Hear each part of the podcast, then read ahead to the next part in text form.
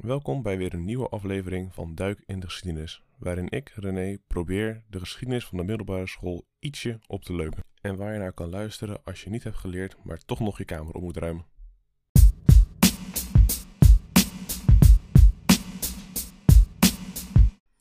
Vandaag gaan we het hebben over misschien wel de grappigste dag van het jaar, 1 april.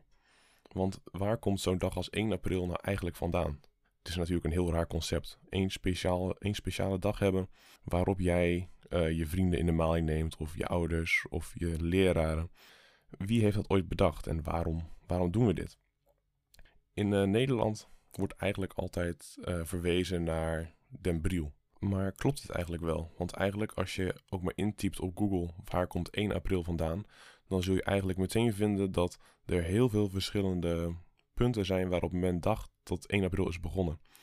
Uh, zowel in de middeleeuwen als zelfs in het oude Rome, waar ze ook al iets vierden wat op 1 april leek. In Nederland gaat het verhaal echter als volgt. Tijdens de 80-jarige oorlog um, bezat de koning van Spanje, Philips II, Nederland. Hij had een aantal dingen waar de Nederlanders het niet helemaal mee eens waren, dus de Nederlanders kwamen in opstand. De man die hiervan kent is natuurlijk Willem van Oranje. Een aantal uh, mensen die uh, in Nederland woonden, die besloten te vluchten en die vluchtten per boot naar Engeland. Dit waren de zogenaamde watergeuzen. De watergeuzen wilden op een dag uh, wilden zij vertrekken vanuit Engeland naar Noord-Duitsland om daar samen met Willem van Oranje mee te vechten tegen de Spanjaarden. Echter was er een zware, zware storm op de zee en kwamen ze uit voor de kust van Den Briel. Den Briel was toen een kleine stad en uh, deze was ook bezet door de Spanjaarden.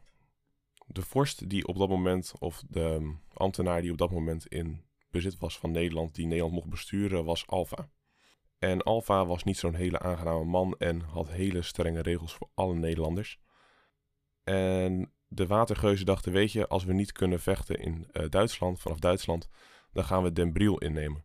En dus op 1 april vielen ze Den Briel aan vielen ze dus binnen en hebben ze deze stad ingenomen in de naam van Willem van Oranje. En vanaf toen is er eigenlijk altijd het gezegde geweest op 1 april verloor Alfa zijn bril, verwijzend naar um, Den Briel die hij toen verloor. Toch kan niemand precies zeggen waar 1 april nou vandaan komt. Er gaan zoals eerder gezegd bronnen terug naar de Romeinse tijd, maar de oorsprong wordt meestal vastgelegd in de 16e eeuw. De bekendste ja, gebeurtenis die we verbinden aan 1 april is het invoeren van een nieuwe kalender, de Georgiaanse kalender. In 1582 werd deze kalender opgedragen door paus Georgius VIII. Voor dat jaar uh, werd oud en nieuw eigenlijk altijd acht dagen lang gevierd in katholieke landen, van 25 maart tot en met 1 april. Dit veranderde nu naar, zoals wij het nu kennen, het vieren van het nieuwe jaar op 1 januari. Maar in de 16e eeuw had je natuurlijk nog geen telefoons, geen tv, geen radio. Dus het duurde een behoorlijk lange tijd voordat iedereen wist dat oud en nieuw op 1 januari gevierd zou worden.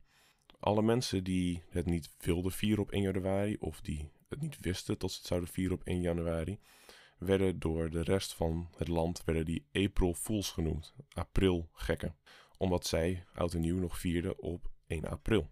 De mensen die dus oud en nieuw nog vierden op de oude datum, die werden vaak voor gek gezet. Er werden grappen mee uitgehaald, die werden nou ja, belachelijk gemaakt. En men denkt dat dit een van de redenen is tot nu op 1 april wij nog steeds iedereen voor de gek houden.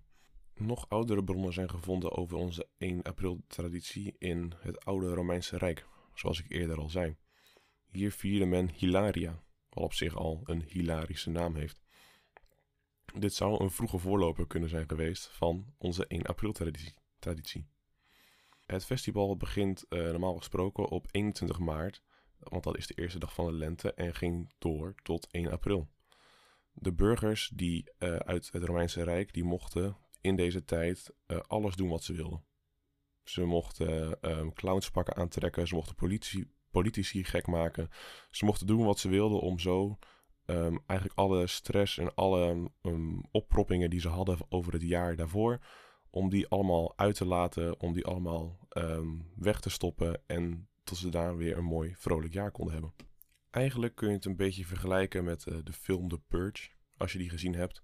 In deze film gaan ze ook uh, één dag per jaar, gaan ze iedereen, mag iedereen doen wat ze willen, maar dan ook echt alles. Je mag moorden, je mag alles kapot maken wat je wil, om zomaar, nou ja, de, de ruzies en alles te vergeten van de rest van het jaar. Je kunt natuurlijk nooit echt met zekerheid zeggen wanneer nou 1 april begonnen is. Tussen nu en de Romeinse tijd zit zo'n lange tijd waarin ook geen 1 april is gevierd. En hetzelfde geldt voor het invoeren van die nieuwe kalender. Het is wel een mooi voorbeeld waarmee je je geschiedenisleraar dwars kan zitten. Als hij vertelt tot 1 april uit Den Briel komt, dan kun jij als je echte wijsneus zeggen: Nee, meneer, de historici die onderzoek doen naar dit onderwerp zijn er allemaal nog lang niet uit wanneer 1 april nou eigenlijk is begonnen. Het is ook een mooi voorbeeld om te laten zien waarom ik geschiedenis nog steeds zo leuk vind. Iedereen die ziet geschiedenis altijd als iets wat vaststaat, iets wat nooit verandert, want het is toch al gebeurd. Maar eigenlijk, wij baseren onze kennis over de geschiedenis op dingen die we hebben gevonden.